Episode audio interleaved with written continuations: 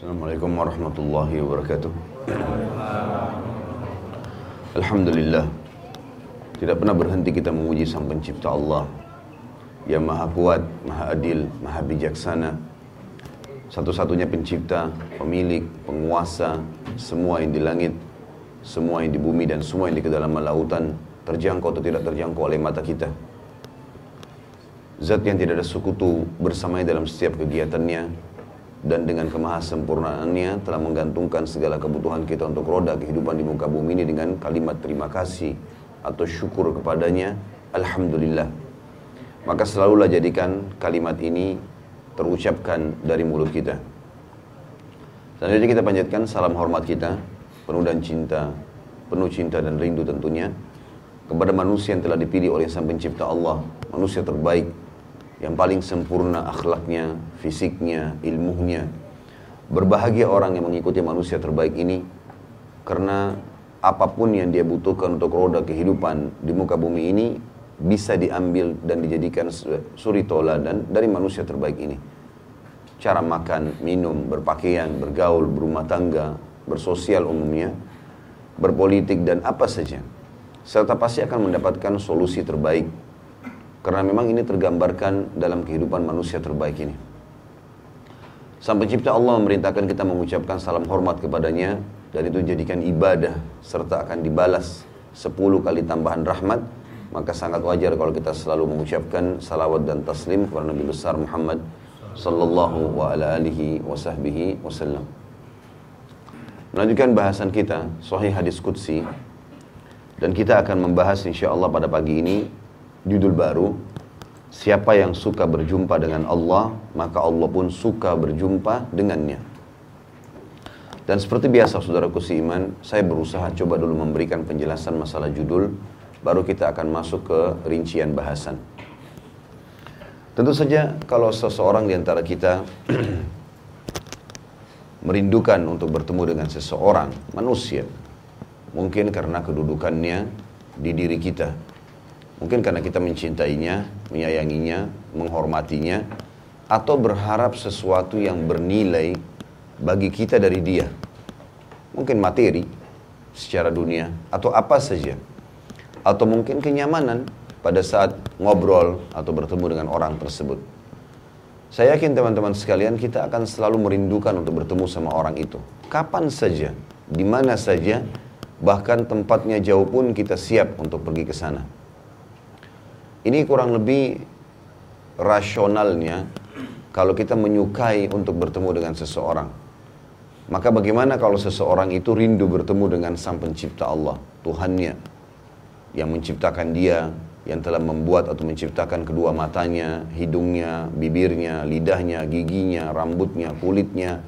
Semua ini tidak terkecuali yang ada pada diri dia, dengan segala macam sistem yang begitu rumit di dalam tubuhnya, pencernaannya, kemudian pengelolaan untuk mengeluarkan hal-hal yang tidak dibutuhkan oleh tubuh dari air seni dan tinja, serta eksternal tubuhnya, apa saja yang dia bisa lihat atau dia tidak bisa lihat, dijangkau tidak dengan matanya, yang bisa dijangkau atau tidak dijangkau oleh matanya, semua diciptakan oleh Sang Pencipta Allah. Maka bagaimana kalau kita bertemu dengan Allah Subhanahu wa taala? Kalimat bertemu di sini bisa bermakna dua kata para ulama. Orang bertemu di dunia dengan sang pencipta Allah dengan cara mematuhi dan mengerjakan perintah-perintahnya. Itu sama dengan bertemu. Seperti kasus misalnya seseorang hadir sholat.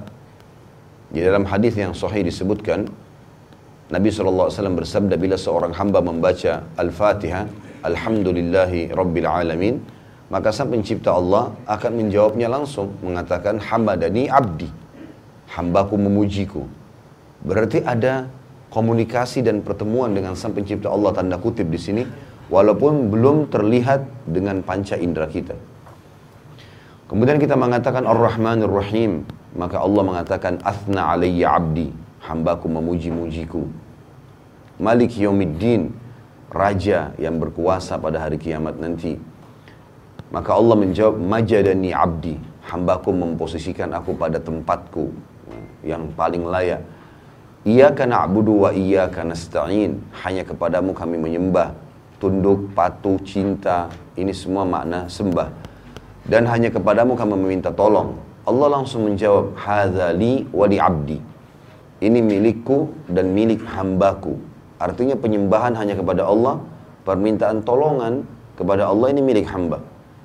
Ihdinas siratal mustaqim, tunjukkanlah kami jalan yang lurus. Siratal ladzina an'amta alaihim, jalan orang-orang yang telah engkau berikan nikmat kepada mereka, maksudnya keimanan dari para nabi-nabi, dari para syuhada, orang-orang mati daripada orang-orang siddiq yang jujur dan orang-orang saleh.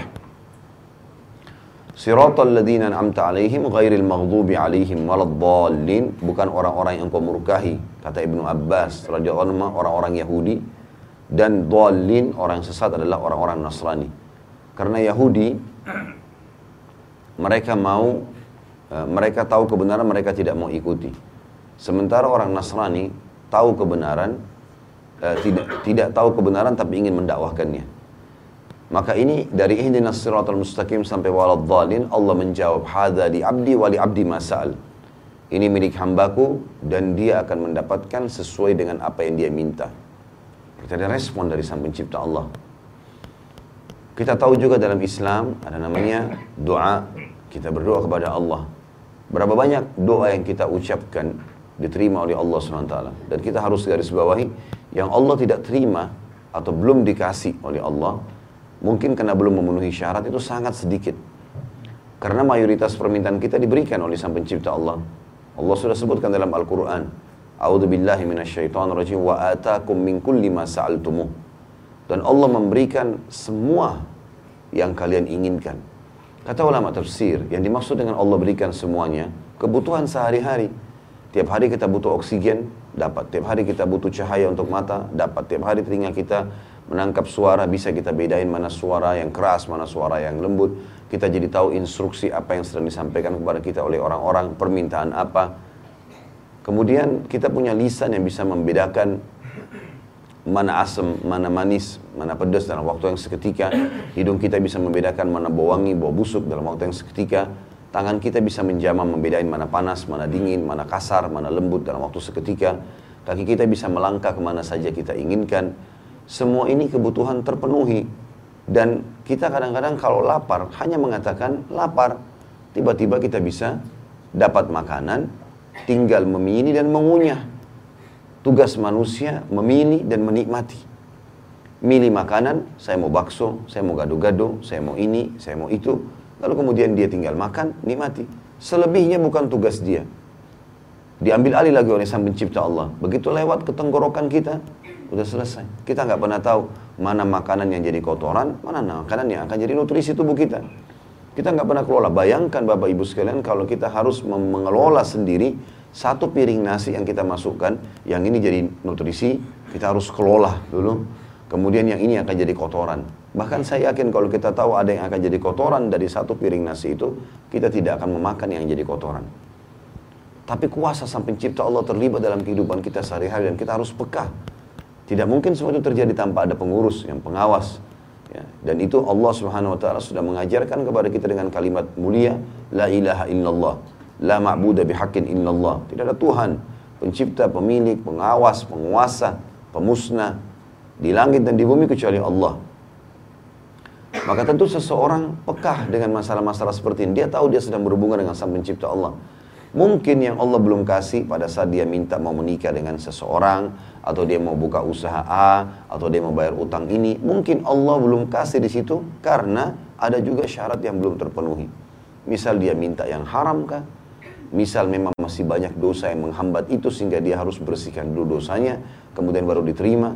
Ada poin-poin yang sudah diajarkan secara syariat berhubungan dengan masalah itu. Maka interaksi kita dengan sang pencipta Allah di dunia sudah ada bukan tidak ada. Dan seluruh fenomena di sekitar kita ini luar biasa. Allah Subhanahu wa taala sudah memberikan gambaran kepada kita dengan banyak ayat-ayatnya. Coba kita tadaburi beberapa ayat teman-teman sekalian. Terlintas di benak saya sekarang surah An-Nahl. surah nomor 16. Kita baca An-Nahl surah nomor 16 ayat 65 mulainya ya.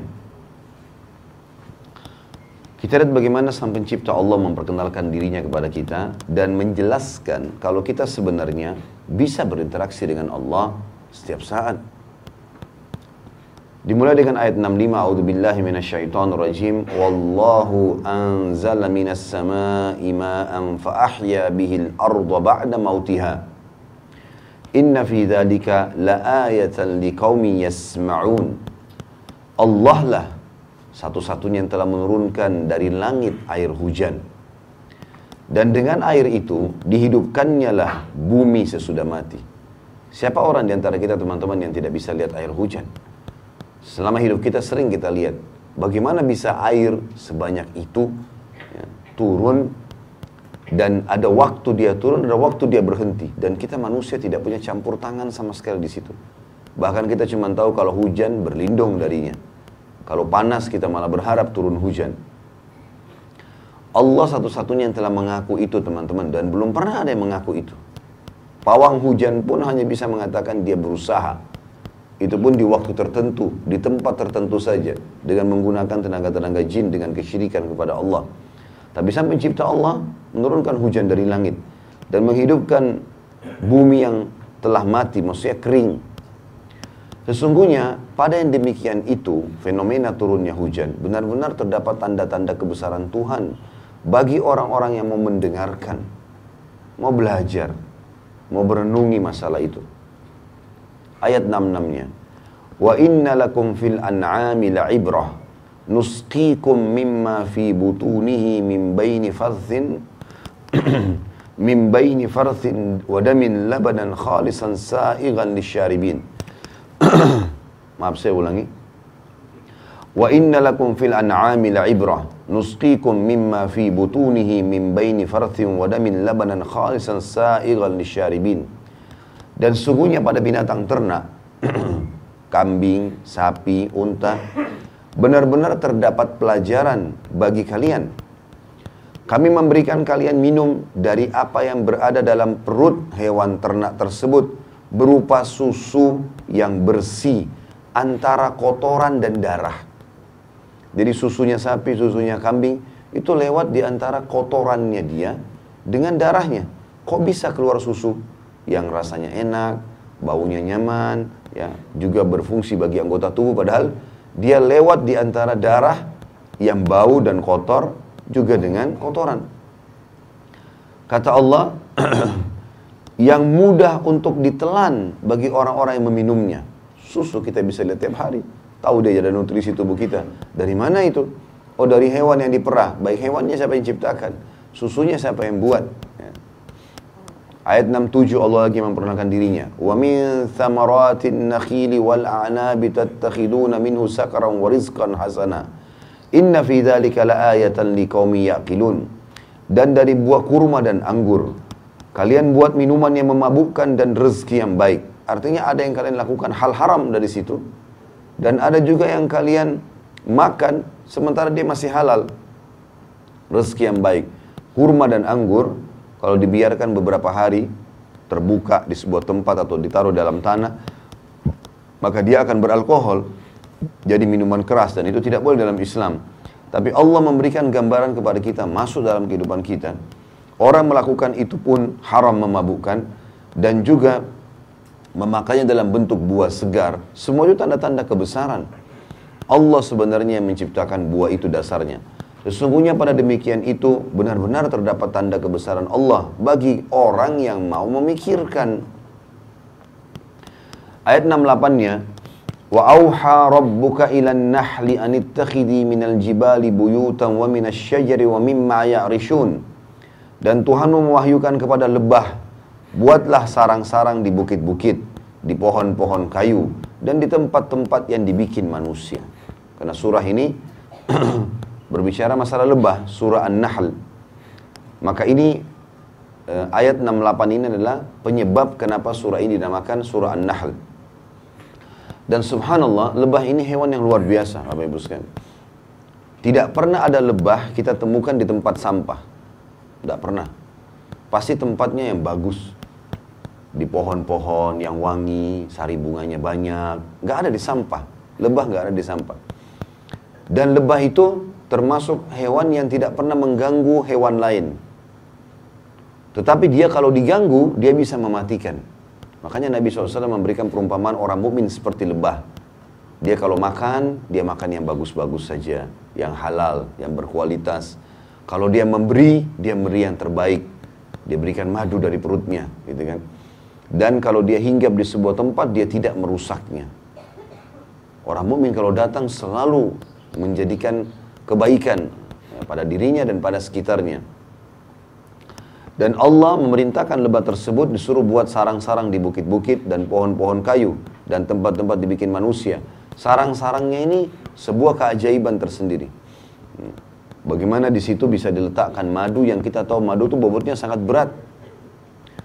Ayat 69 Allah menjelaskan apa yang diperintahkan kepada lebah tersebut. Thumma kuli min kulli thamarati fasluki subula rabbiki dhulula yakhruju min butuniha syarabun mukhtalifun alwanuhu fihi shifa'un linnas. Inna fi dzalika laayatan liqaumin yatafakkarun. Kemudian kami perintahkan juga kepada lebah makanlah dari tiap-tiap macam buah-buahan dan tempuhlah jalan Tuhanmu yang telah dimudahkan bagimu kata ulama tafsir maksudnya tempuh jalan yang dimudahkan itu adalah uh, lebah itu berkelompok-kelompok. Ada lebah khusus ditugaskan oleh lebah-lebah itu dengan izin Allah. Dan saya pernah lihat sendiri cuplikannya. Bagaimana uh, dia khusus untuk mencari lokasi-lokasi uh, yang ada sari bunga yang baik. Dan setelah itu dia kembali ke sarangnya menyampaikan ke teman-temannya dan sangat detail. Saya lihat cuplikannya sendiri ilmuwan-ilmuwan kita manusia dengan izin Allah tentunya coba menangkap lebah-lebah itu mereka pelajari lalu dijepit lalu dikasih tanda cat di atas badannya kalau lebah-lebah ini akan terbang dan dibiarkan terbang, kemudian diletakkan kamera yang luar biasa, sensitif sekali, bisa ikut dengan lebah itu. Jadi lebah itu ke mana? Kamera itu ada. Jadi kita seperti menonton lebah ini sedang terbang. Lalu dia jalan jauh sekali sampai dia temukan sari-sari bunga yang banyak di gunung-gunung, di lembah-lembah. Kemudian dia setelah dapat dia nggak ngambil sari bunga itu, padahal sari bunga itu makanan favoritnya dia.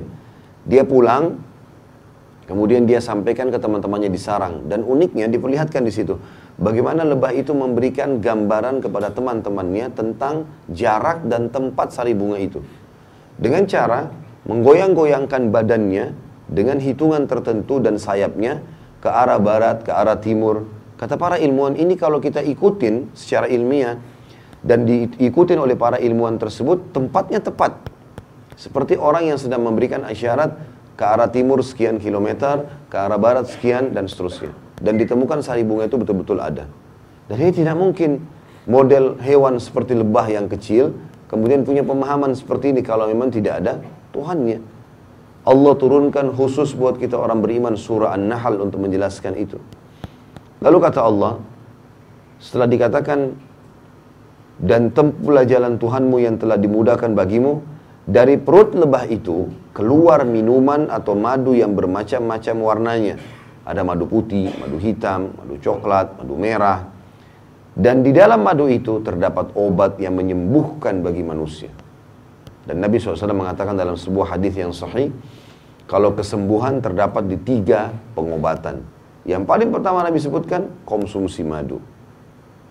Dan ini saran saja teman-teman sekalian sehat atau sakit, jangan pernah tinggalkan madu minimal satu sendok satu hari. Cari madu yang asli, konsumsi. Baik itu dicampur ya, di air atau mungkin dikonsumsi secara langsung.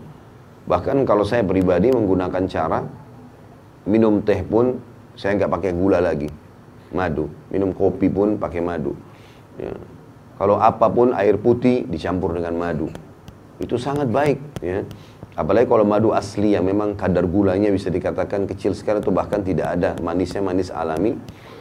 Maka itu sangat bagus karena Allah bilang obat untuk manusia. Sebagian ulama bahkan mengatakan makna tafsir ayat ini adalah obat untuk semua penyakitnya. Ya. Kata Nabi SAW kesembuhan ada di tiga, dikonsumsi madu, dibekam, ya, mengeluarkan darah dengan cara dikop darah kotor dan itu tepatnya tanggal lebih ba paling bagusnya tanggal 17, 19 dan 21 dari bulan Hijriah. Terlebih lagi kalau Bapak Ibu ikutin dengan puasa Ayyamul Bid 13, 14, 15 dari bulan Hijriah kemudian yang pahalanya sama dengan puasa setahun ya. Kata Nabi SAW puasa tiga hari setiap bulan pahalanya sama dengan setahun. Dua hari setelahnya tanggal 17-nya bekam. atau tanggal 19 atau tanggal 21. Sebagaimana kata Nabi SAW, sebaik-baik waktu berbekam adalah 17, 19, dan 21. Lalu kemudian yang ketiga kai. Kai itu menggunakan besi panas. Lalu kata Nabi SAW, tapi aku tidak menyarankan umatku menggunakan kai. Atau jadikan riwayat, riwayat yang lain, jadikanlah kai sebagai pengobatan terakhir. Dan kai artinya besi dipanaskan lalu dikagetkan di tempat yang sedang sakit. Biasanya mungkin ini orang stroke membutuhkan ini. Kalau di zaman Nabi SAW dulu pernah Sa'ad bin Mu'ad radhiyallahu anhu, sahabat Nabi yang mulia, yang pada saat beliau meninggal dunia, kata Nabi SAW, arsnya Allah goncang, karena dekatnya dengan sang pencipta Allah, itu sempat daerah wilayah dadahnya atau sekitar dadahnya kena panahnya orang Quraisy dan beberapa urat-urat sarafnya putus. Maka ngeluarin darah terus non-stop. Ya, zaman dulu nggak ada kayak zaman sekarang. Kita sekarang ada dokter bedah segala macam bisa dijahit. Zaman dulu nggak bisa. Maka Nabi SAW pun memanaskan besi lalu menempelkan di lukanya saat ya, untuk memberhentikan darah tersebut. Tapi saksi bahasan kita adalah masalah madu. Ya. Sesungguhnya pada demikian itu benar-benar terdapat tanda-tanda kebesaran Tuhan bagi orang-orang yang mau memikirkan. Ayat 70. Wallahu khalaqakum thumma yatawaffakum wa minkum man yuraddu ila ardhalil umri likay la ya'lama ba'da ilmin syai'a inna inna Allah alimun qadir Allah menciptakan kalian semua kemudian dialah yang mewafatkan kalian Enggak ada siapa pun di antara kita teman-teman mau sehat, mau sakit, mau muda, mau tua, mau pejabat, mau orang biasa, laki-laki, perempuan, anak kecil, orang tua mati pada saatnya. Dan di antara kalian ada yang dikembalikan kepada umur yang paling lemah atau sudah pikun. Ada di antara kita dibiarkan sampai tua. Agar dia atau supaya dia tidak mengetahui lagi sesuatu yang pernah diketahuinya. Untuk membuktikan kelemahan manusia. Tadinya dia mungkin penghafal Al-Quran mungkin atau hafalannya banyak atau seorang yang ya, banyak aktivitasnya. Allah biarkan dia sampai umur 100 tahun, 120 tahun, pikun, lupa semuanya. Sesungguhnya Allah maha mengetahui lagi maha kuasa. Kemudian ayat 71, Wallahu faddala ba'dakum ala ba'din fil rizq. Faman ladhina fuddilu biraddi rizkihim ala ma malakat aimanuhum fahum fihi sawa afa bi ni'matillahi yajhadun dan Allah melebihkan sebagian kalian dari sebagian yang lain dari hal rezeki. Ada kaya, ada miskin, ada pas-pasan ya tetapi orang-orang yang diberikan rezekinya, ada di antara mereka tidak mau memberikan rezeki mereka kepada budak-budak yang mereka miliki. Atau maksudnya di sini adalah orang-orang di sekitarnya. Agar mereka sama merasakan rezeki itu. Maka mengapa mereka mengingkari nikmat Allah? Mengapa setelah kaya dari miskin tadinya sekarang tidak mau membantu orang lain? Ayat 72. Wallahu ja'ala lakum min anfusikum azwajan wa ja'ala lakum min azwajikum banina wa hafadah banina wa hafadatan wa razakakum minat tayyibat. Afa bil batili yu'minuna bi ni'matillahi hum yakfurun. Allah lah yang telah menjadikan dari istri kalian jenis dari jenis kalian sendiri dari manusia. Buat kita condong. Dan menjadikan bagi kalian dari istri kalian itu anak-anak dan cucu-cucu. Dan memberikan rezeki dari yang baik-baik, makanan, minuman. Contohnya kata ulama rezeki yang baik adalah Allah membuat kita tidak suka dengan bau busuk. Warna yang busuk atau warna yang sudah sangat tua, buram, ya. Buah-buahan misalnya kalau makin segar, makin bagus warnanya, makin ya segar buahnya kita makin tertarik untuk beli. Sedikit ada rusaknya kita tidak mau. Kata ulama itu makna tafsir Allah memberikan rezeki kalian dari yang baik-baik. Allah buat kita tidak suka kalau sudah busuk walaupun tadinya bagus. Apel misalnya masih segar kita tertarik beli. Namanya juga apel pada saat dia rusak, tapi kita nggak mau menyentuhnya. Maka mengapa mereka beriman kepada yang batil? Mengapa mereka masih yakin ada Tuhan selain Allah? Masih minta ke patung, pohon, banyak bukti-bukti. Dan mengingkari nikmat Allah.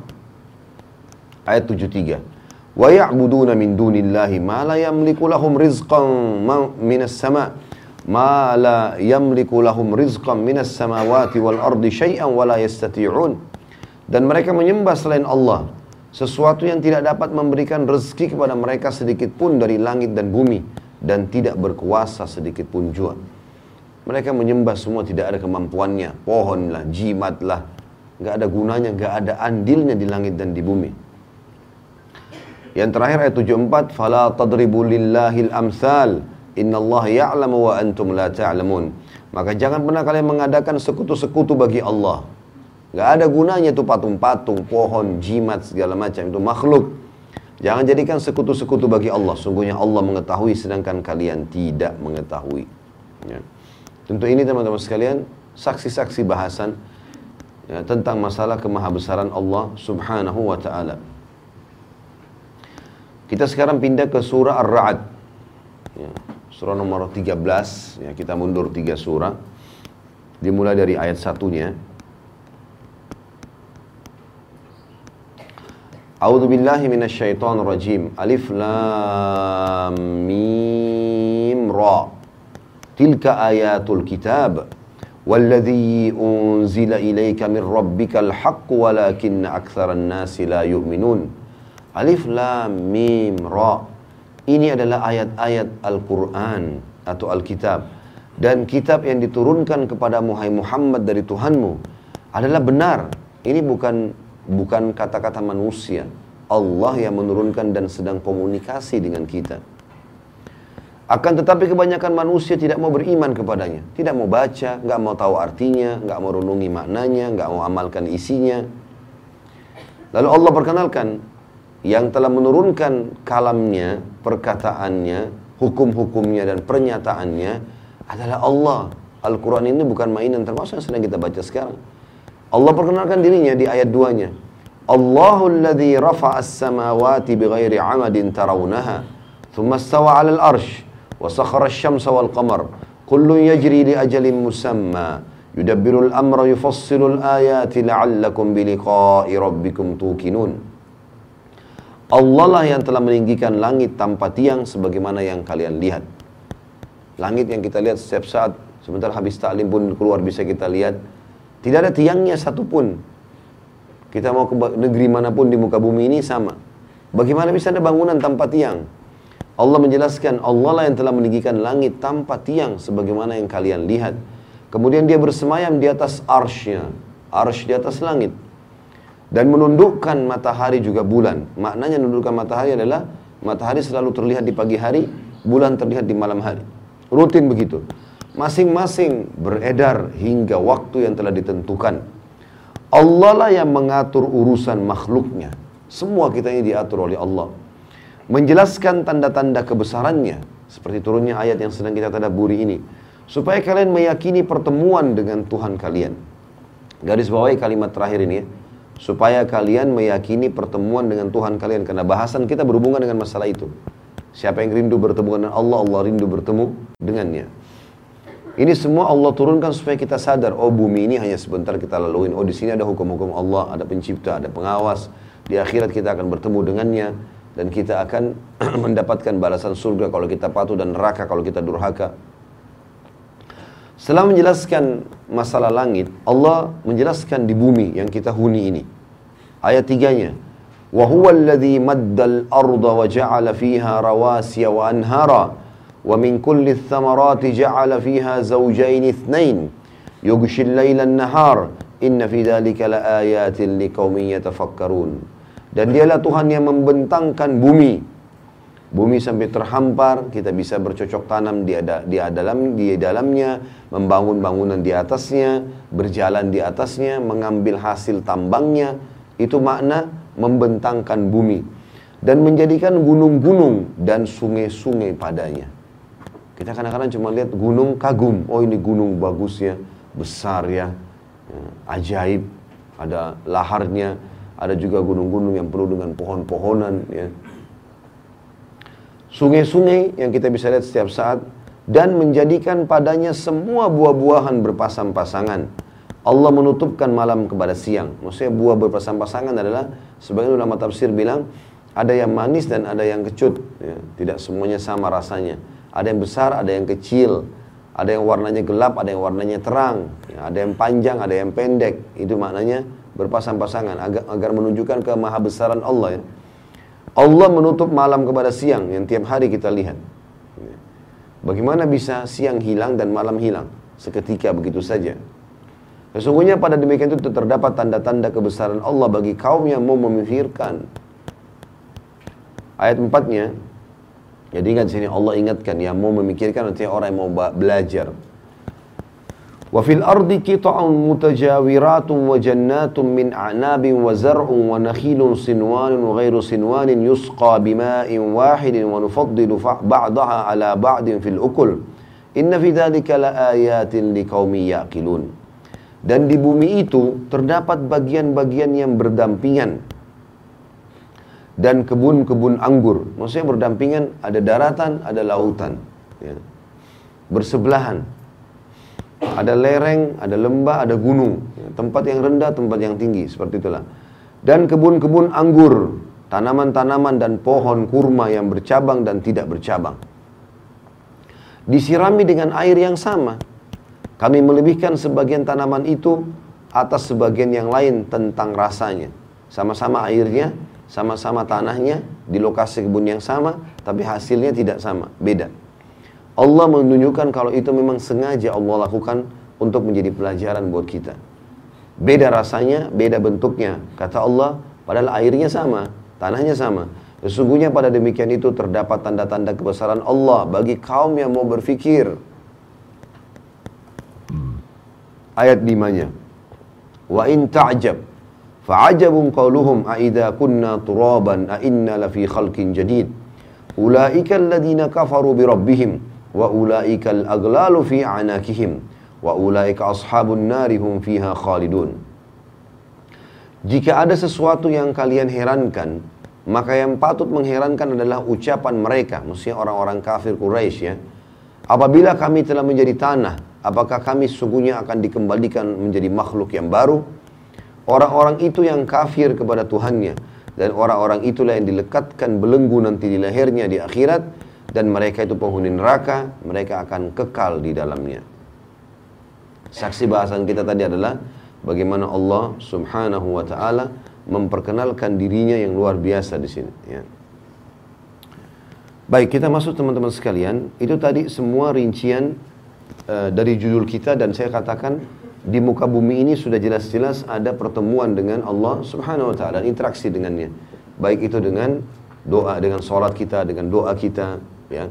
Dengan kita baca kitab Al-Qur'annya yang turun dari langit, memahami apa yang disampaikan oleh Rasulnya Muhammad sallallahu alaihi wasallam tentang hukum halal haram, panduan hidup, mana makanan, mana minuman, mana pakaian, mana pendapatan, mana pergaulan yang boleh dan tidak boleh.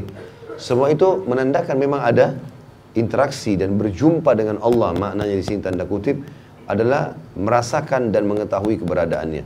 Sementara di akhirat kita pasti akan interaksi dengan hisab. Allah akan menghisap kita. Tidak ada seorang pun yang lewat kecuali dihisap oleh Allah SWT. Ya.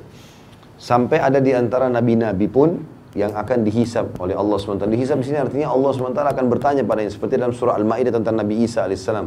Ya. Dalam surah Al-Maidah itu di akhir ayatnya, coba kita lihat surah nomor 5 ya. Allah menjelaskan tentang Nabi Isa alaihissalam di ayat 116. Al-Maidah surah nomor 5 ayat 116. A'udzu billahi minasyaitonir rajim. Wa idh qala Allah ya Isa ibn Maryam anta qulta lin-nasi ittakhiduni wa ummi ilahaini min dunillah Qala subhanaka ma yakunu li an akula ma laysa li bihaq. In kuntu kultuhu faqad alimta. Ta'lamu ma fi nafsi wa la a'lamu ma fi nafsik. Innaka anta allamul guyub Dan ingatlah, dan makna ingat artinya pelajarilah. Ketika Allah berfirman, Hai Isa putra Maryam, nanti di akhirat nih ceritanya. Ya. Apakah kamu mengatakan kepada manusia, jadikanlah aku dan ibuku dua Tuhan selain Allah. Seperti mereka sekarang mengatakan ya Trinitas. Ya. maka Isa menjawab alaihissalam maha suci engkau. Tidaklah patut bagiku mengatakan apa yang bukan hakku mengatakannya. Jika aku pernah mengatakan maka tentulah engkau mengetahui apa yang ada pada diriku. Dan aku tidak mengetahui apa yang ada pada diri engkau. Sesungguhnya engkau maha mengetahui perkara-perkara yang gaib. Ayat 117 nya Ma qultu lahum illa ma amartani bihi an i'budullaha rabbi wa rabbakum wa kuntu alaihim syahidan ma dumtu fihim falamma tawaffaitani kunta antar raqib alaihim wa anta ala kulli syai'in syahid Aku tidak pernah mengatakan kepada mereka kecuali apa yang engkau perintahkan kepada aku untuk mengatakannya. Yaitu, sembahlah Allah, Tuhanku dan Tuhan kalian. Dan aku menjadi saksi terhadap mereka selama aku berada di antara mereka. Maka setelah engkau wafatkan aku, engkau lah yang mengawasi mereka dan engkau maha menyaksikan atas segala sesuatu. Jadi Allah subhanahu wa ta'ala menghisap, menanya gitu kan pada hari kiamat. Kalau nabinya saya ditanya begini bagaimana dengan kita? Ini utusannya Allah. Kenapa kok bisa ada di antara pengikutmu Aisyah yang mengaku kau sebagai Tuhan dan ibumu? Apa kau bilang sama mereka itu? Enggak, enggak pernah ya Allah. Ya, aku tidak mengucapkan kecuali apa yang kau perintahkan kepada aku agar sembah Allah satu dan jangan sekutu bersamanya. Lalu Nabi Isa berkata di ayat 118, "In tu'adzibhum fa innahum ibadu wa in takfir lahum fa innaka antal azizul hakim." Jika engkau menyiksa mereka, maka sungguhnya mereka adalah hamba-hamba engkau. Dan jika engkau mengampuni mereka, maka sesungguhnya engkau lah yang maha perkasa lagi maha bijaksana. Maka Allah pun merespon.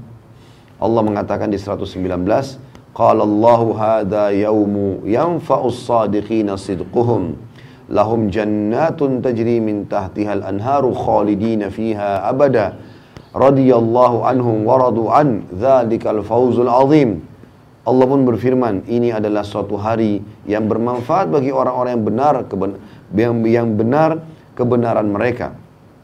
Maksudnya jujur ya keimanan mereka. Bagi mereka surga yang dibawanya mengalir sungai-sungai, mereka kekal di dalamnya selama-lamanya. Allah ridho terhadap mereka dan itulah keberuntungan yang besar.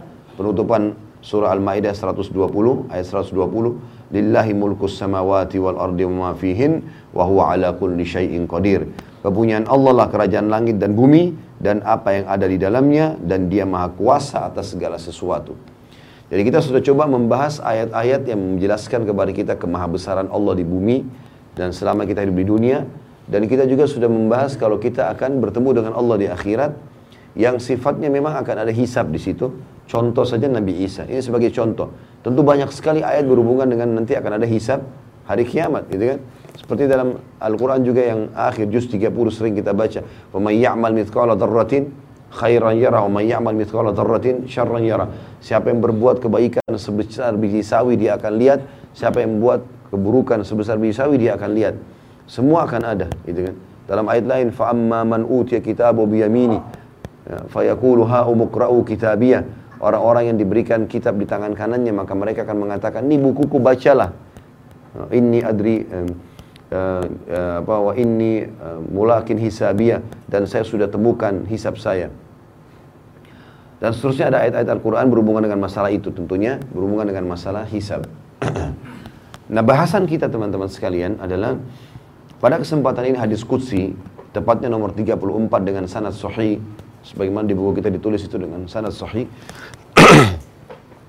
bagaimana seorang hamba seperti kita ini faham ada Tuhannya Allah dan dia tahu harus dia yakin dia akan mati dan dia akan bertemu dengan Tuhannya.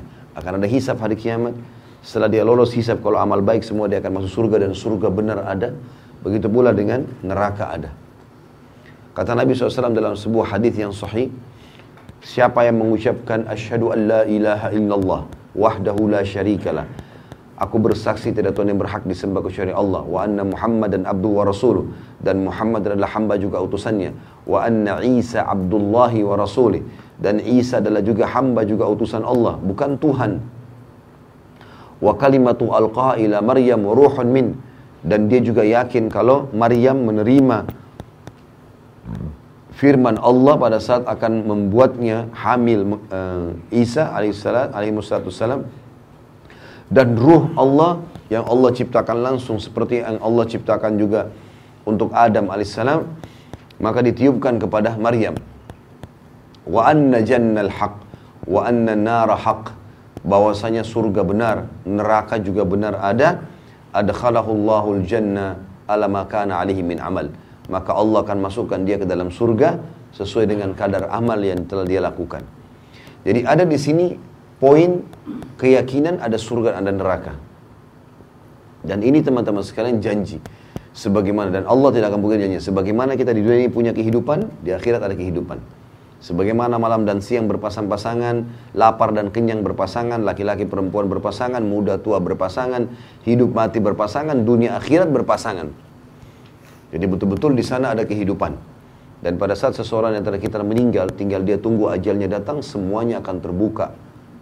Hijab antara dia dengan amal-amalnya akan terbuka. Dia jadi tahu, oh ternyata ini loh histori hidup saya dari saya lahir sampai saya mati. Ini loh amal-amal yang saya kerjakan. Semua dipaparkan oleh Sang Pencipta Allah Subhanahu wa taala. Di antaranya hadis ini menjelaskan masalah itu. Saya bacakan. Dari Abu Hurairah radhiyallahu anhu, Rasulullah sallallahu alaihi wasallam eh, bersabda, Allah Subhanahu wa taala berfirman, "Idza ahabba idza ahab idza ahabba 'abdi liqa'i, ahbabtu liqa'ah." Wa idza kariha liqa'i karihtu liqa'ah. Hadis ini riwayat Bukhari. Jika hambaku suka berjumpa denganku, maka aku pun suka berjumpa dengannya. Dan jika dia benci berjumpa denganku, maka aku pun benci berjumpa dengannya. Ulama menjabarkan hadis ini mengatakan memiliki banyak makna. Di antara maknanya adalah kalau seorang hamba berusaha mendekatkan diri kepada Allah di dunia, walaupun dengan upaya yang kecil, dia misalnya tadinya tidak sholat, mulai dia sholat. Dia tadi tidak pernah sodokah, mulai dia sodokah. Baru memulai, seperti orang yang baru sekolah SD, baru ke, masih kecil, baru memulai belajar, maka Allah sudah langsung merangkulnya. Sebagaimana jelaskan dalam hadis yang lain. Seseorang hamba mendekatkan diri kepadaku satu jengkal, maka aku satu hasta. Dia satu hasta, aku satu ya uh, apa? depah ya atau lengan. Jadi kalau kita satu jengkal, Allah satu siku. Kita satu siku, dia satu lengan. Artinya upaya sedikit saja, baru kita mulai sholat, ada ketenangan jiwa. Kita rutinitaskan sholat itu lebih dekat rasa dengan Allah. Lebih peka, oh ini nggak boleh Allah larang. Oh ini boleh. Lebih dekat lagi, kita terus ibadah, kita akan lebih suka menangis, rindu dengan akhirat. Sampai pernah ada jemaah bilang sama saya, Ustaz, saya muncul pada jiwa saya perasaan Rasanya rindu sama Allah, pengen mati segera aja. Perasaan ingin segera mati ini bukan karena dia ya eh, apa namanya bosan dengan dunia atau karena lagi presta uh, uh, lagi stres di dunia. Enggak. Memang karena dia merasa loh ini kebenaran. Saya tuh akan mati dan mati saya akan ketemu dengan Tuhan saya. Mungkin ini kebahagiaan. Lalu untuk apa berlama-lama di dunia? Dan ini sebenarnya subhanallah muncul dalam jiwa para sahabat. Makanya setiap kali Nabi SAW menjelaskan tentang masalah jihad, masalah mati syahid, mereka selalu di saf pertama. Dan cuma penyampaian, cuma lisan. Seperti Bapak Ibu dengar sekarang. Ini buku kan bisa Bapak Ibu baca sendiri. Saya cuma datang bacain, tapi ada sesuatu yang kita rasakan dalam hati. Ada getaran-getaran iman, oh iya ya, oh ternyata begitu ya. Jadi kita lebih merasa dekat sama Allah. Baru sedikit kita upaya. Kalau makin kita rajin, maka makin luar biasa. Dan penutupan hadis kata Nabi SAW, Allah bilang, dan kalau dia dekatkan diri kepadaku dengan berjalan, aku akan berlari. Artinya memang bahasa yang sangat santun dari Sang Pencipta Allah. Sedikit kita paksakan diri ibadah teman-teman luar biasa. Udah luar biasa. Dan subhanallah, hamba-hamba Allah yang faham tentang poin ini sangat luar biasa bagi mereka. Nggak ada lagi nilainya dunia ini. Saya coba ceritakan kisah seorang sahabat yang mulia namanya Abdullah bin Hudzafa al-Aslami radhiyallahu anhu. Abdullah bin Hudzafa ini jarang sekali orang tahu kisahnya. Tapi beliau punya satu hal terutama pada saat menghadapi kematian yang luar biasa. Dia pernah diutus menuju ke negeri Romawi untuk menyerang. Ternyata ditawan oleh Raja Romawi. Dan orang-orang Romawi sudah dengar, ini muslimin ini kebanyakan orang-orang Arab Badui dari padang pasir, jazirah Arab orang miskin, tidak banyak orang kaya di antara. Nanti kalau dibanding orang-orang Romawi dulu, nggak ada kekayaan apa-apa mereka. Tadinya orang tidak ada yang lihat, dianggap orang bodoh, nggak bisa baca, nggak bisa nulis. Sekarang dengan masuk Islam, Islam membawa mereka menyebar ke seluruh dunia. Mereka jadi pemimpin. Dan yang luar biasa didengar oleh Kaisar, keyakinan orang Islam ini mengalahkan kokohnya gunung. Halal, halal, haram, haram. Asal dia sudah belajar, dan dia memang sudah yakin dengan itu, nggak bisa digoyahkan.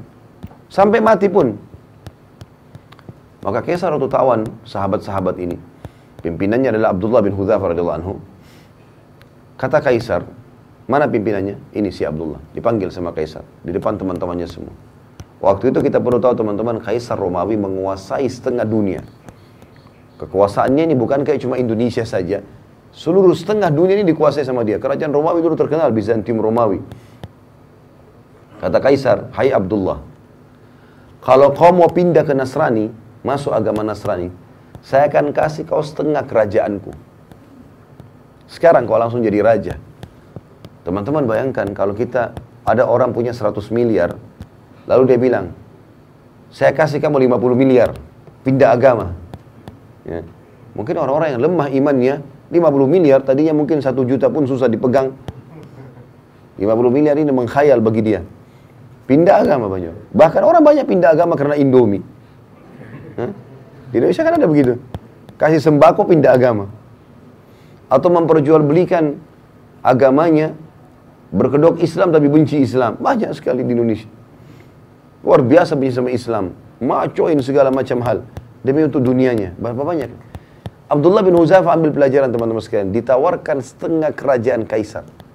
Ia tangkan saksi-saksi. Nih, Saksi semua ini bukan main-main. Kamu bilang saya masuk Nasrani setengah kerajaan. Dari Badui padang pasir orang miskin jadi raja langsung. Berdampingan sama kaisar. Apa jawaban Abdullah? Kerajaan ditawarkan. Dan ini tidak main-main, serius. Akan dikasih kerajaan. Kata Abdullah, wahai kaisar, jangankan setengah kerajaan anda.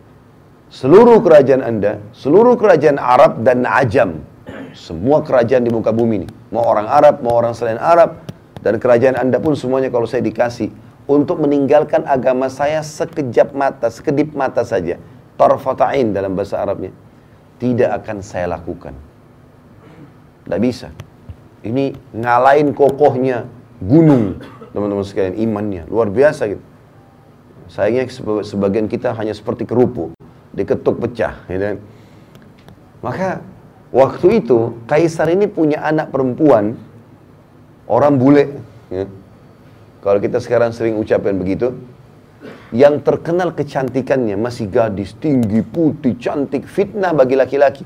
Sampai banyak raja-raja waktu itu dan para perdana menterinya, kaisar, panglima-panglima perang berharap jadi suaminya perempuan itu. Terkenal sekali. Dikeluarkan oleh kaisar dulu di sebelahnya. Hai Abdullah, setengah kerajaanku dan nikahi anakku. Ini juga plus lagi, dapat perempuan tercantik di dunia pada saat itu. Kata Abdullah dengan kalimat yang mungkin Kaisar tidak semudah itu memahaminya ya. Tapi orang beriman harus bisa faham. Dia mengatakan Anda menawarkan anak Anda perempuan ini ya, untuk digantikan dengan bidadari yang Allah janjikan untukku di surga. Artinya percuma, nggak mempan. Ya. Maka kata Kaisar, penjarakan orang ini. Instruksinya, jangan kasih makan dan minum. Gak boleh makan dan minum. Teman-teman kita kalau nggak makan, dua hari, tiga hari mungkin masih lapar, tapi masih bisa hidup lah. Tapi kalau nggak minum, ini nggak nggak mudah nih. Dari pagi sampai malam kita nggak minum sudah kering tenggorokan. Dua hari, tiga hari bisa meninggal ini. Jangan kasih makan dan kasih minum di penjara. Dan kaisar suruh penjaga-penjaga prajuritnya perhatikan. Kalau sudah lemes, sampaikan ke saya. Tiga hari, tiga malam, gak makan, gak minum. Sampai dikatakan dalam kisah ini Abdullah kepalanya mulai melemas. Condong ke kiri. Udah lemas gitu. Gak ada minum, gak ada makan. Lalu pada saat itu, kata prajuritnya Kaisar sudah lemas. Kata Kaisar, masukkan babi dan khamr di penjaranya. Sekarang di babi. Ini bukan babi sembarang ya, babi masakannya buat Kaisar. Jadi babi dengan bumbu yang wangi, nampan yang bagus, segala macam. Menggoda luar biasa. Dan dalam kondisi dia lapar. Kemudian khamar di kendi yang memang punya kaisar. Tempatnya itu bukan sembarangan, dari emas. Taruh di situ. Subhanallah, sampai tiga hari ke depan, sampai daging babi itu menjamur, gak disentuh sama Abdullah. Padahal sudah mau mati. Gak bisa. Gitu. Kata, kata prajuritnya, tidak disentuh kaisar. Sampai berjamur tuh babi. Panggil dia, panggil. Enam hari sekarang nggak makan, nggak minum. Ini luar biasa ini. Lalu kata kaisar, kenapa kau nggak makan dan minum? Kata Abdullah jawabannya, saya tahu dalam agama saya sekarang sudah halal tuh babi dan khamr. Karena saya akan mati kalau saya nggak makan. Tapi demi Allah saya tidak akan biarkan kau menghina agamaku. Sama raja dunia dia ngomong ini. Saya demi Allah tidak akan membiarkan kamu menghina agamaku. Kaisar bilang kalau begitu saya akan bunuh kamu. Tapi bukan bunuh biasa. Saya akan masukkan kamu ke minyak panas. Didatangkan periuk teman-teman sekalian besar. Bisa nampung 10 orang laki-laki masuk ke dalamnya. Karena besarnya. Taruh minyak panas, dibakar. Mendidih minyak itu. Kata Kaisar, cemplungin satu persatu prajuritnya Abdullah. Jangan dia, dia terakhir. Sekitar 30 orang. Begitu dilempar yang pertama teman-teman sekalian dikatakan dalam riwayat kisah ini, dimasukin dalam hitungan detik tinggal tulangnya keluar. Karena panasnya minyak itu. Ya. Abdullah lihat nih. Satu dilempar, baju perangnya pun kulitnya semua habis orang itu, tinggal tulang, ngapung. Lempar yang kedua, begitu lagi. Yang ketiga, begitu lagi. Penuh dengan tulang-tulang manusia dan darahnya nih, minyak. Mendidih. Pas giliran Abdullah, dengan lemesnya lagi ditarik, netesin air mata Abdullah. Kata Kaisar, udah netesin air mata nih. Nah, mungkin mau berubah. Kata prajurit Kaisar, nangis. Berarti mungkin mau berubah. Panggil, panggil. Hai Abdullah, jadi pindah Nasrani. Dia bilang, tidak demi Allah. Lalu kenapa kau nangis? Saya menangis karena saya menyesal hanya punya satu nyawa. Saya berharap punya seribu nyawa, semuanya kau cemplungin ke minyak itu. Untuk mati menuju ke akhirat. Bagaimana orang beriman teman-teman faham masalah ini? Nggak ada yang goyahkan dia. Dunia ini sebentar. Antum tarik kisah ini kepada penyakit yang sedang kita alami. Utang yang belum kita lunasi. Permasalahan rumah tangga yang kita hadapi. Seberat apa itu dibandingkan Abdullah ini? Nggak ada nilainya. Tapi dia begitu yakin ada Tuhannya Allah. Dan dia yakin dunia ini hanya sebentar, dia akan menuju ke akhirat. Itu poin yang tidak boleh luput dengan kita. Dan itu makna daripada perkataan hadis ini. Yang Allah bilang, siapa yang rindu bertemu denganku, aku rindu bertemu dengannya. Artinya siapa yang selalu tahu targetnya akhirat, dia akan menuju ke sana. Dan siapa yang benci bertemu denganku, dunia aja terus. Nggak ada urusan sama akhirat ini. Selalu pelanggaran, tidak ada kepatuhan, nggak ada taubat menyesal dari dosa. Maka aku pun benci bertemu dengannya. Semakna juga dengan hadis ini adalah hadis yang lain yang pernah saya sampaikan teman-teman sekalian, hadis sahih yang Nabi SAW mengatakan siapa yang rindu bertemu dengan Allah, Allah rindu bertemu dengannya. Siapa yang benci bertemu dengan Allah, Allah benci bertemu dengannya. Maka para sahabat sedih dengar hadis ini. Termasuk waktu Nabi SAW pulang ke rumah beliau, di rumahnya Aisyah radhiyallahu anha, maka Nabi SAW menemukan Aisyah lagi menangis. Kata Nabi SAW, kenapa kau nangis hai Aisyah? Ya Rasulullah, hadis anda ini luar biasa. Apakah kalau kami takut mati, berarti kami benci bertemu dengan Allah. Ya Allah. Maka kata Nabi SAW, bukan begitu hai Aisyah. Tapi orang beriman, kalau akan meninggal dunia, akan dicabut ruhnya, Allah akan utus kepadanya beberapa malaikat. Dan ini kita akan saksikan. Masing-masing kita akan saksikan. Semoga kita termasuk orang beriman ini. Karena kata Nabi SAW, akan datang sosok-sosok malaikat yang memperlihatkan kepadanya amal-amal solehnya. Ini sholatmu, ini puasamu, ini zakatmu, ini bakti orang tuamu, ini majelis ilmumu, ini, ini, ini, ini. Karena ini semua, kau akan masuk ke sini. Diperlihatkan surganya. Nampak nyata. Ini sebelum prosesi pencabutan ruhnya ini. Maka dia pun karena lihat semua itu, dia rindu bertemu dengan Allah. Mau segera mati. Gitu kan? Maka Allah pun rindu bertemu dengannya. Kalau orang fasik, orang muslim banyak dosanya tidak sempat taubat, dan orang kafir, maka akan datang sosok-sosok malaikat yang memperlihatkan amal-amal buruk mereka.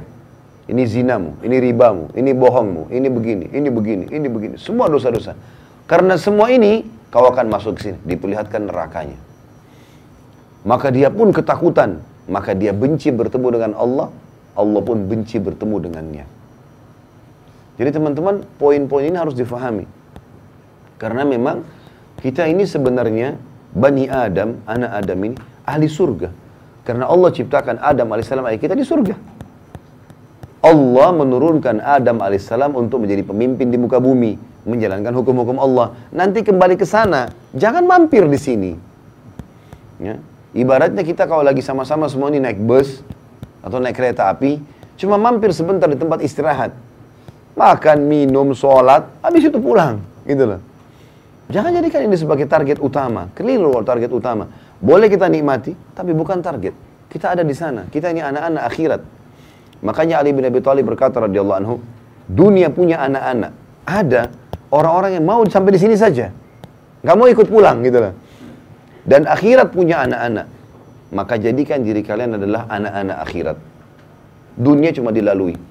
Sampai Nabi SAW mengingatkan kepada kita, perumpamaan aku dengan dunia ini seperti musafir yang sedang penat Nabi gunakan istilah musafir. Lagi capek, Bapak Ibu lagi bawa mobil, kita lagi safar ke Jawa Timur misalnya dari Jakarta, capek, masuk ke rest area gitu kan. Masuk ke tempat istirahat sebentar. A, e, perumpamaan aku dengan dunia seperti seorang musafir yang lagi penat lalu dia mendapatkan sebuah pohon untuk bernaung di bawahnya. Setelah penatnya hilang, dia pun pergi. Memang sudah begitu. Orang beriman rindu dengan matinya, rindu dengan bertemu dengan Tuhannya. Dan apa yang Bapak Ibu lakukan kayak dulu di majelis ilmu begini, sholat, sedekah ini wallahi demi Allah Bapak Ibu sekalian kita akan terima. Faman ya'mal mithqala dzarratin khairan yarah wa may ya'mal mithqala dzarratin syarran yarah. Ini firman Allah, nggak mungkin salah. Siapa yang buat seperti biji sawi dari kebaikan dia akan lihat. Siapa yang buat biji sawi dari keburukan dia akan lihat. Nggak ada yang luput. Kalau ada Bapak Ibu yang terdolimi oleh orang di sini, nggak usah khawatir. Kita ikhtiar. Nggak dapat, wallahi di akhirat kita dapat. Nggak ada ceritanya itu. Nggak ada yang luput. Di mahkamah Allah nggak ada cerita main-main. Sampai dalam sebuah hadis yang lain kata Nabi SAW Allah berfirman demi keperkasaanku dan keagunganku tidak akan boleh penghuni surga masuk ke dalam surga selama masih ada penghuni neraka yang punya hak dari dia dan tidak akan pernah penghuni neraka masuk ke neraka selama penghuni surga masih punya hak dari dia. Misal contoh, kita beriman kepada Allah, sholat segala macam, tapi kita pernah zalimi orang kafir, kita kan tidak boleh zalimi orang. Apalagi kalau kafir zimmi misalnya. Orang kafir di bawah naungan pemerintah Islam. Kita nggak boleh teman-teman sekalian, ini tetangga Nasrani, matiin aja lampunya. Tutup aja jalannya, kempesin mobilnya. Haram nggak boleh dalam Islam. Ya, nggak boleh kita ganggu. Sampai kata, apalagi kalau sampai membunuhnya. Kata Nabi SAW, Man katala mu'ahadan, lam yari raihatal jannah. Wa inna riha, wa inna riha la tujitu min masirati arba'ina kharifah. Hadis Bukhari. Siapa yang coba-coba membunuh mu'ahad, mu'ahad itu orang kafir di bawah naungan pemerintah Islam. Atau ada perdamaian damai dengan umat Islam, gitu kan? Maka dia tidak akan mencium bau surga. Dan baunya tercium dari jarak 40 tahun. Bau aja enggak, apalagi masuk ke dalamnya. Ini muslim loh. Enggak boleh sembarangan kita buat kekacauan ini. Gitu. Enggak boleh kita ganggu mereka. Maka kita harus hati-hati teman-teman sekalian. Yang boleh diperangi hanya kafir harbi. Siapa itu kafir harbi? Orang kafir yang pakai baju perang keluar di medan perang mau memerangi umat Islam. Nah itu kita perangi. Itu pun diperangi apa kata Nabi SAW? Jangan bunuh perempuan, jangan bunuh anak-anak, jangan bunuh orang tua, jangan bunuh orang menyerah. Kalau sudah lepas senjatanya jangan ganggu. Dan kalau kalian harus membunuh, bunuhlah dengan cara yang santun. Tusuk mati, selesai. Nggak ada mutilasi, potong kupingnya, cungkil matanya. Nggak boleh. Nggak ada. Orang kalau nyerah lepas. Orang kalaupun dibunuh maka bunuh dengan cara yang baik. Enggak ada dalam Islam bakar. Wah apa segala enggak bisa. Kalau ada orang Islam yang menggambarkan itu, itu kebodohan mereka. Karena tidak faham hukum agamanya. Sampai kata Nabi SAW, tidak boleh membakar kecuali pemilik api. Allah Subhanahu Wa Taala nggak boleh kita menyiksa orang dengan bakar. Contoh itu. Jadi Islam datang dengan luar biasa di sini. Ya.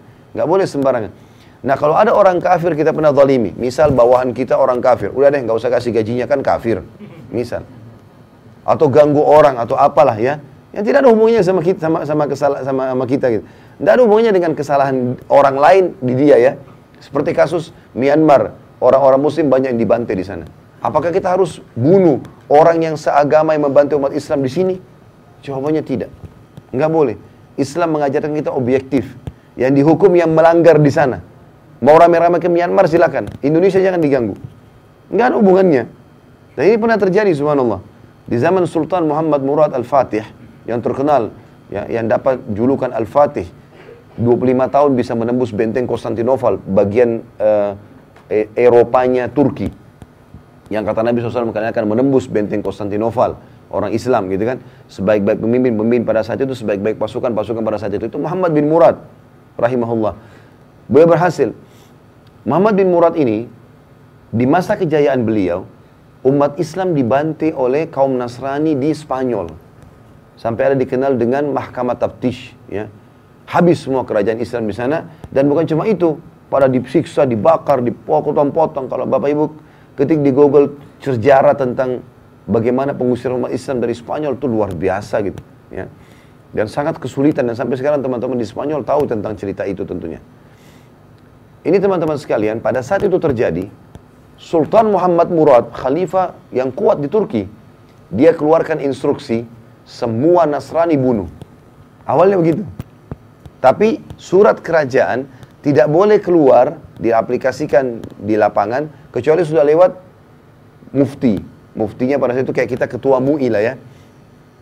Suratnya dikirim, kata Sultan Murad, bawa ke mufti. Tanya hukumnya. Saya tidak bisa terima umat Islam misalnya dibantai. Bantai juga di sini. Semua Nasrani bunuh. Siksa sebagaimana mereka siksa kita di sana. Gitu loh. Waktu tiba di tangan mufti, muftinya datang ke khalifah langsung mengatakan, "Wahai Amir Mukmin, kita diperintahkan objektif dalam agama. Yang salah Nasrani yang di sana, bukan Nasrani yang di sini. Nggak ada hubungannya dengan yang di sini. Di sini kita dakwai. Ini mirip dengan perilaku Nabi SAW waktu menghukum wanita yang meracuni beliau di perang Khaybar. Jadi Nabi SAW pernah dikasih racun oleh wanita. Nabi makan tapi Nabi SAW tidak tidak terlalu berpengaruh pada beliau itu. Tapi ada satu sahabat mati gara-gara itu. Waktu sahabat itu sakit, belum dihukum si wanita pemberi racun. Begitu efeknya ada, mati nih sahabat, maka dipanggil wanita tersebut lalu dipenggal lehernya. Dia sudah membunuh, maka hukumnya dibunuh. Gitu. Seperti itu. Jadi begitu luar biasanya objektifnya Islam. Apa kata Nabi SAW? Kita kembali ke hadis tadi yang saya sedang jelaskan.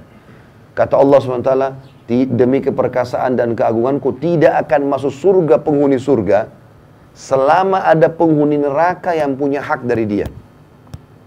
Kalau orang kafir pernah kita tolimi, gak mau kasih gajinya, gak mau gini, gak mau bayar utang segala macam, kita sudah pasti masuk surga nih. Karena amal soleh kita misalnya banyak. Tidak masuk surga kecuali ini sudah selesai dulu. Apa masalahnya sama ini? Pernah utang gak bayar? Baik, nanti Allah akan menilai di akhirat. Utang itu berapa nilainya secara akhirat? Berapa kadar pahala kita? Misal harus seribu pahala dikurangi, dikurangi seribu pahala. Bukan dikasih kepada si kafir, karena nggak ada gunanya bagi dia. Tapi Allah kurangi itu untuk mengurangi fasilitas kita di surga. Itu kerugian. Gitu kan? Dan kata Nabi SAW, Allah juga berfirman, dan tidak akan masuk penghuni neraka ke dalam neraka ya, sebelum hak selama masih ada ahli surga yang punya hak dari dia. Misal kita balik kasusnya, ada orang kafir misalnya zalim. Karena ada orang Islam hidup di wilayah dia, kemudian dia zalim diambillah haknya, tidak dikasih gajinya, apalah orang Islam ini dizalimi. Ini orang kafir, mati masuk neraka dia sebenarnya. Tapi muslim tadi masih punya hak dari dia.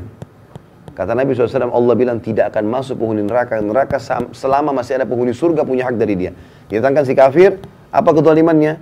Misal dia zalim pernah tidak kasih gaji. Berapa kadarnya? Setelah akhirat. Itu Allah lebih tahu hitung-hitungannya. Seribu misalnya. Maka ditambah seribu pahala kepada si muslim untuk meninggikan derajatnya di surga. Si kafir nggak ada nggak ada gunanya untuk diambil dari dia. Maka begitu luar biasanya hisap pada hari kiamat, saudara muslim. Dan ini semua sekali lagi fakta yang akan kita lalui. Sebagaimana Bapak Ibu jalan tadi ke sini, sebagaimana kita dari bayi sampai sekarang kita lalui fenomena kehidupan ini, begitu juga di akhirat loh. Ada semuanya. Dan kehidupan abadi bagi seseorang muslim pada saat dia sampai di akhirat nanti. Kita masuk teman-teman sekalian ke bab yang setelahnya dan kita tutup dengan ini. Kalau ada pertanyaan silahkan ditulis di kertas. Tanda cinta Allah kepada hamba. Hadis yang pertama dalam bab kita ini, hadis nomor 35 dan ini sanadnya sahih diriwayatkan oleh Imam Bukhari dari Abu Hurairah radhiyallahu anhu, Nabi SAW bersabda, "Idza ahabballahu 'abdan nada Jibril, Inna allaha yuhibbu fulanan fa'ahibbah Fa'ahibbahu. Fayuhibbuhu Jibril Fayunadi Jibrilu fi ahli sama Inna allaha yuhibbu fulana Fa'ahibbu Fayuhibbuhu ahlus sama Thumma yudha'u lahul qabulu Fi ahli al-ard. Jika Allah mencintai seorang hamba Maka dia memanggil Jibril. Allah memanggil Jibril. Lalu berfirman kepadanya Sesungguhnya Allah mencintai si fulan. Maka cintailah dia. Jibril pun lalu mencintainya. Lalu Jibril menyuruh kepada penduduk langit, sesungguhnya Allah mencintai si fulan. Ini si fulan nanti disebut namanya ya. Maka cintailah dia. Maka seluruh penduduk langit mencintainya. Kemudian diberikanlah pada hamba tersebut penerimaan di penduduk bumi. Hadis ini teman-teman mulia sekali. Bagaimana seseorang hamba menjadikan target cintanya, rindunya, kepatuhannya hanya kepada Sang Pencipta Allah. Dan ini penting sekali. Bagaimana Allah Subhanahu wa taala memberikan tanda kepada kita kalau dia mencintai kita. Disebutkan hadis ini. Kalau Allah akan menyuruh Jibril, memanggil Jibril, Jibril pimpinan para malaikat. Aku cinta sama si fulan, kau juga harus cintai. Maka karena rajanya malaikat Jibril mencintainya, maka Allah pun suruh Jibril sampaikan kepada seluruh penghuni langit. Semua malaikat, miliaran jumlahnya. Yang kata Nabi SAW, demi zat yang jiwaku dalam genggamannya, tidak ada tempat ukuran empat jari manusia di langit yang luas ini, kecuali ada malaikat yang sedang sujud atau ruku. Penuh dengan malaikat. Kata Nabi SAW di langit ketujuh ada namanya Baitil Ma'mur. Yang Allah sebutkan dalam surah At-Tur. Wal Baitil Ma'mur. Tempat tawafnya para malaikat. Tiap hari ada 70 ribu, 70 ribu malaikat yang tawaf masuk ke dalamnya tidak akan keluar lagi. Artinya Allah SWT musnahkan, Allah ganti dengan ma malaikat yang baru. Maka malaikat semua itu mencintainya. Semua. Ya. Tidak peduli di dunia ini kita dicintai atau tidak gitu kan. Tapi ini luar biasa kalau langit sudah cintai. Cuman Dititip pesankan di sini. Dan pada saat itu pun, pada saat penghuni langit sudah mencintainya, maka diberikanlah hamba tersebut penerimaan di bentuk bumi. Maksudnya orang akhirnya jadi suka sama dia. Allah SWT buat jadi suka, orang datang, orang ketemu, orang berharap dari dia. Itu berarti tanda cintanya Allah pada dia. Makanya Urwa bin Zubair rahimahullah mengatakan wasiat yang sangat luar biasa. Idza ra'aita min rajulin fi'lal khair fa'amminu lahu khaira. Kalau kalian melihat dari seseorang ada perbuatan baik dalam agama, azan ke masjid, apalah dia buat baik, maka pastikan orang itu baik. Ya. Wa in kana fi nadarin nasi su. Walaupun ada sebagian manusia menganggapnya buruk. Karena memang dalam hadis ini dikatakan Allah akan buat penerimaan di muka bumi, bukan berarti semua orang menerima dia ya. Artinya orang yang beriman kepada Allah memang akan menerima dia. Karena memang Nabi Muhammad SAW sendiri manusia terbaik. Tapi masih ada orang munafik yang tidak suka. Masih ada orang kafir yang tidak suka. Artinya maknanya di sini adalah orang yang suka dia orang-orang yang sefaham. ya Orang-orang yang memang mau beriman kepada Allah. Mau menuju ke akhirat. Maka akan suka dengan dia. Lalu kata beliau. Wa idha ra'aita min rajulin fi'la syar. Fa'amminu lahu syar wa in kana fi nadarin nasi rajulun khair. Kalau kalian lihat ada perbuatan buruk dari seseorang dan itu pelanggaran agama yang besar. Bukan kekeliruan ya, bukan karena tidak sengaja dan lupa. Memang dia buat hal secara kedok dia kelihatannya baik, tapi ternyata dia berbuat sesuatu yang kita tahu buruk nih. Dia mencuri misalnya, dia menipu misalnya, dia berzina tapi dia diam-diam misalnya. Maka kata Urwa, ketahuilah orang itu buruk. Walaupun di mata manusia dia baik. Dan Allah SWT akan membongkar. Yang baik dan buruk teman-teman akan dibongkar. Jangan pernah mengkhayal kita bisa merahasiakan sesuatu di muka bumi. Bahasa kita rahasia. Tetapi kalau di mata Allah, kita rahasiakan amal soleh kita nih. Kata para ulama, kalau Allah belum membukanya selama kita hidup, Allah akan bukanya pada saat kita sudah meninggal. Kenapa sekarang kisah orang-orang soleh masih banyak sampai kepada kita? Termasuk kisah tadi Abdullah bin Huzafa radhiyallahu anhu. Padahal beliau sudah meninggal. Justru pada saat meninggal itulah banyak sekali amal-amal soleh yang Allah buka dari orang itu untuk menjadi pelajaran bagi orang lain sekaligus menjadi tambahan amal soleh buat dia. Atau pada saat dia meninggal ada orang-orang yang sengaja menceritakan keburukannya tapi memang dia baik atau mencari-cari keburukan, bukan menceritakan keburukan, mencari-cari keburukannya berarti Allah SWT mau kebaikan juga buat dia. Seperti kasus misalnya pernah ada riwayat ada beberapa orang tabi'in datang kepada Aisyah berkata radhiyallahu anha, Kenapa ada orang-orang, bagaimana pendapat anda dengan orang-orang yang menghina-hina ayah anda Abu Bakar dan juga Umar bin Khattab? Orang-orang Syiah nih. Gitu kan? Maka kata Aisyah, saya tidak melihat kecuali Allah menginginkan kebaikan buat keduanya. Karena Allah menginginkan mereka mendapatkan tambahan pahala setelah mereka meninggal. Maka ini semua teman-teman harus difahami ya, berhubungan dengan masalah ini. Dan yang kita kejar adalah target cintanya Allah. Kalau teman-teman lagi menghadapi masalah seberat apa pun, selama kita beristighfar kepada Allah dan mengakui kesalahan, dan selama kita berada di jalan Allah, nggak usah khawatir, nggak usah khawatir, akan berlalu semua. Fa inna mal usri yusra. Di setiap kesulitan akan ada kemudahan. Ya. Inna ma'al usri yusra. Di setiap kesulitan ada kemudahan. Jadi tidak mungkin luput dari situ. Yang jadi masalah kalau kita diberikan cobaan sama Allah, lalu kita tetap dalam kesalahan. Ini yang masalah teman-teman. Masalah ini. Kayak misalnya orang buat dosa. Allah kasih dia sumpek, sedih. Kemudian dia tetap dalam kemaksiatan. Lalu zina lagi. Mabuk lagi. Obat-obatan lagi. Jadi lari kepada hal yang salah. Maka makin terpuruklah dia. Makin hancur pokoknya. Makanya teman-teman kalau sudah merasa diri salah, segera istighfar kepada Allah, taubat. Dan langsung masuk ke rel yang benar maka akan aman. Dan makna cinta di sini teman-teman sekalian, sekarang kalau kita cinta pada seseorang, apa yang kita akan lakukan? Kita akan membuat, uh, kita akan melakukan apa yang dia suka, kita akan memenuhi apa yang dia minta, dan kita akan menjawab apa yang membuat dia marah, kan gitu. Allah mencintai dia, Allah akan selalu membuat dia puas, itu maknanya. Allah akan penuhi kebutuhannya, maafkan kesalahannya. Dan tentu makna sebaliknya, kalau kita dicintai oleh orang lain, kita akan temukan orang itu tulus, baik sama kita. Itu makna cinta. Yang terakhir adalah hadis 36 yang mau saya terakhir dalam bahasan kita pada pagi ini insyaAllah. Kita lanjutkan di kesempatan bulan depan lagi.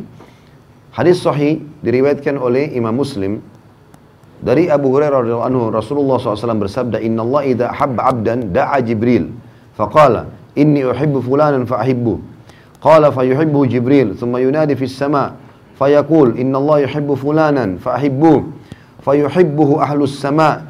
Qala thumma yudha'u lahu al-qabul fil ard. Wa idza abghada 'abdan da'a jibril. Fayaqul inni ubghidu fulana fa abghidhu qala fayubghiduhu jibril.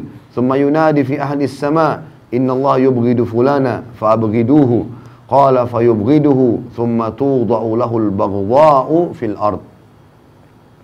Sesungguhnya Allah jika dia mencintai seorang hamba dan ini target kita.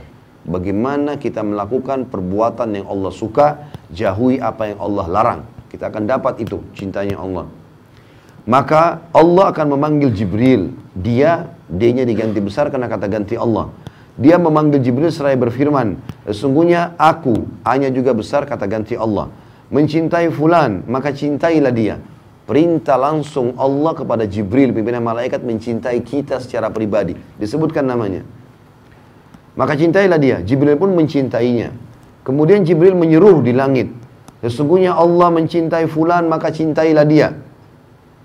Maka penduduk langit pun mencintainya. Kemudian diberikanlah untuknya penerimaan di bumi. Dan jika, ini tadi sudah kita jelaskan di sini, kita ambil potongan yang belum kita jelaskan tadi. Dan belum disebutkan di hadis yang pertama. Dan jika Allah membenci seorang hamba, sebaliknya. Karena dosa yang bertumpuk-tumpuk, tidak mau taubat, pelanggaran demi pelanggaran. Maka dia, Allah memanggil Jibril seraya berfirman, Sesungguhnya aku membenci fulan, maka bencilah dia.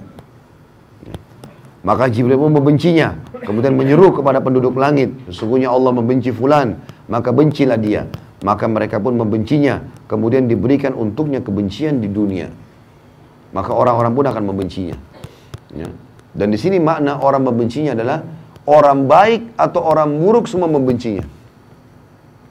Kalau tadi orang yang Allah cintai, maka dia akan dicintai dan diterima oleh orang-orang baik di bumi. Orang buruk akan membencinya. Tapi orang baik semua menyukainya. Tapi kalau orang buruk dan Allah benci, orang baik dan buruk membencinya semuanya. Kita akan temukan orang ini selalu bermasalah. Baik orang sama orang baik atau orang buruk. Ada saja masalahnya. Rusak rumah tangganya, anaknya jadi masalah, apa sajalah. Tempat kerjanya jadi kacau. Apalagi kalau memang dasarnya sudah buat dosa sama Allah, kemudian diulangi lagi dosa itu. Bukannya malah taubat, tapi dia mengulangi kesalahan demi kesalahan. Maka ini tentu teman-teman sekalian, akan mendatangkan hal-hal yang berat bagi dia. Allahu a'lam. Tentu saya semoga Allah SWT menjadikan kita hamba-hamba yang dicintai olehnya dan juga dijadikan orang yang selalu istiqamah dalam kebaikan-kebaikan sampai kita meninggal insya Allah dan semoga semua dosa kita diganti menjadi pahala dengan kemahamurahannya. Baik begitu saja, mudah-mudahan bermanfaat. Subhanakallahumma bihamdika asyhadu an la ilaha illa anta astaghfiruka wa atubu ilaik. Wassalamualaikum warahmatullahi wabarakatuh.